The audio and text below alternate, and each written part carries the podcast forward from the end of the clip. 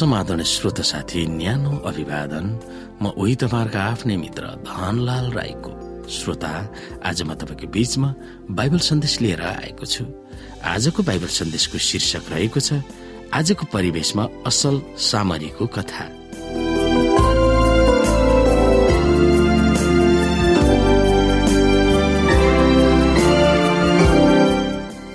श्रोता साथी पण्डितले ठिक जवाब दियो भनेर उनको सराहना गर्दै यसैले उनलाई यो स्पष्ट पार्नुभयो।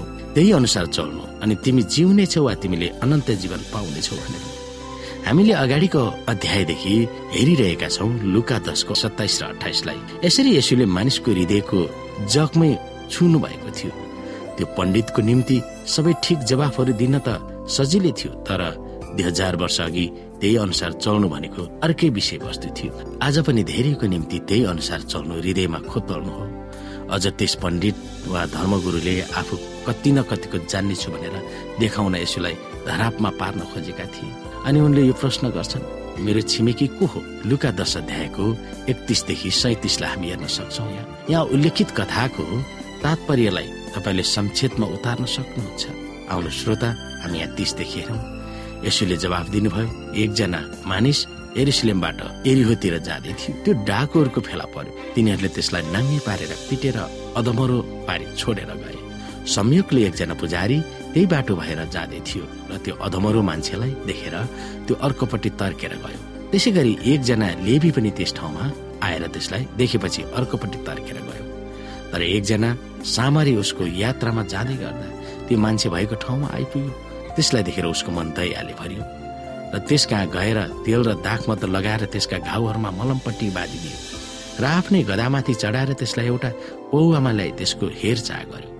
भोलिपल्ट उसले चाँदीका दुई सिक्का पौवाको मालिकलाई दिएर भन्यो यिनको हेरचाह गर र अरू बढी खर्च लागे म फर्केर आउँदा तिमीलाई तिरिदिनेछु यसोले सोध्नुभयो तिम्रो विचारमा यी तीनजना मध्ये डाकुहरूका हातमा पर्ने मानिसको छिमेकी कुन चाहिँ ठहरियो? तिनले भने त्यस मानिसमाथि दया देखाउने चाहिँ तब यसुले तिनलाई भन्नुभयो। जाऊ तिमी पनि त्यसै गर। हाम्रा वरिपरि के त्यस्ता मानिसहरू छन् जसलाई अरूहरूले अन्याय गरिरहेका छन्? के हामीले हाम्रो हैसियतले भ्याएसम्म तिनीहरूलाई सहयोग गरेका छौँ? यो सत्य हो कि कतिपय समयमा पास्टर एल्डर र चर्चको सदस्यहरूले आवश्यकता हुनेहरूलाई सहायता गर्दैनन्। अझ कतिपय समयमा अरू धर्मका मानिसहरू हामीहरूभन्दा बढी दयालु र परोपकारी भएका हामी पाउँछौँ। हामीले दया मायाको बारेमा चर्चा गर्छौँ तर अरूहरूले व्यवहारमा ती देखाइरहेका हामी पाउँछौँ। यदि हामीमा भएको विश्वासको केही अर्थ छ भने आवश्यकता परेकोहरूलाई हामी सहायता गर्नै पर्छ।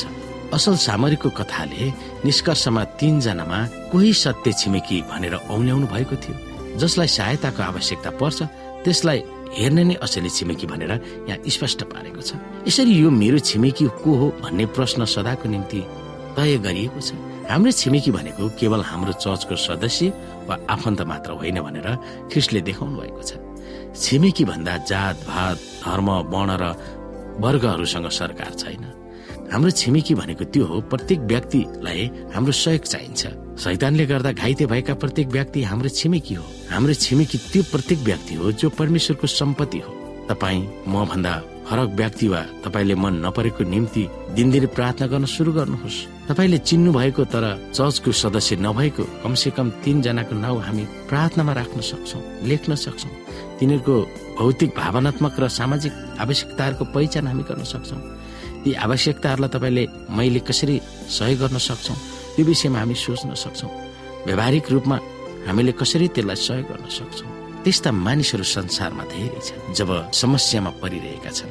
जबकि हेरुसलेमबाट हिरोतिर जाँदै गरेको एकजना मानिस जसको डाकुहरूको कारणले उच्छेद विच्छेद भएको थियो अधमरो भएको थियो। मर्नु न बाँच्नुको अवस्थामा उनी पुगेका थिए जसलाई एउटा सामरीले प्रेम देखायो जब उसलाई आफ्नो घोडामा राखेर एउटा पौवामा पुर्याएको कथा हामीले हेऱ्यौँ। हामी त्यो अवस्थामा पुग्न सक्छौँ कि सक्दैनौँ? हामीले त्यस्तो अवस्थामा कसैलाई सहयोग गरेका छौँ कि छैनौँ?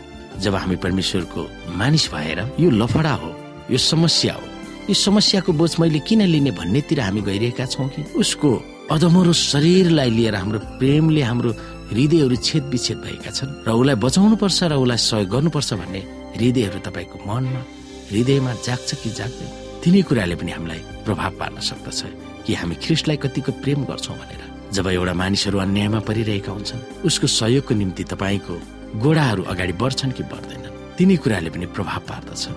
तर संसारमा हामीले देखेका मानिसहरू जसको छ जो जसको धेरै सम्पत्ति छ जसको धेरै खेतबारी छ र जसको धेरै व्यापार बिजनेस छ तिनीहरूसँग तिनीहरूको सेवा गर्न मानिसहरू ललायत हुन्छन्। जो अधमहरू छ जो गरिब छ जो समस्यामा परेको छ तिनीहरूको निम्ति मानिसहरूले सेवा गर्ने हातहरू कमै हामी देख्छौँ। र बाइबलको आधारित भन्ने हो भने हामीले साँच्चै नै ती समस्यामा परेका चोटमा परेका चुडिएका हृदय भएकाहरूको निम्ति हामी अगाडि बढ्नु पर्दछ र उनीहरूको निम्ति हामी सहयोग बन्नु पर्दछ त्यसो भयो भने हामी परमेश्वरको अगुवाईमा हाम्रो जीवनलाई बिताउन सक्दछौँ। होइन भने हामी संसारको मानिसहरूभन्दा फरक हुँदैनौँ। यिनै कुरामा हामी विचार गर्न सक्दछौँ।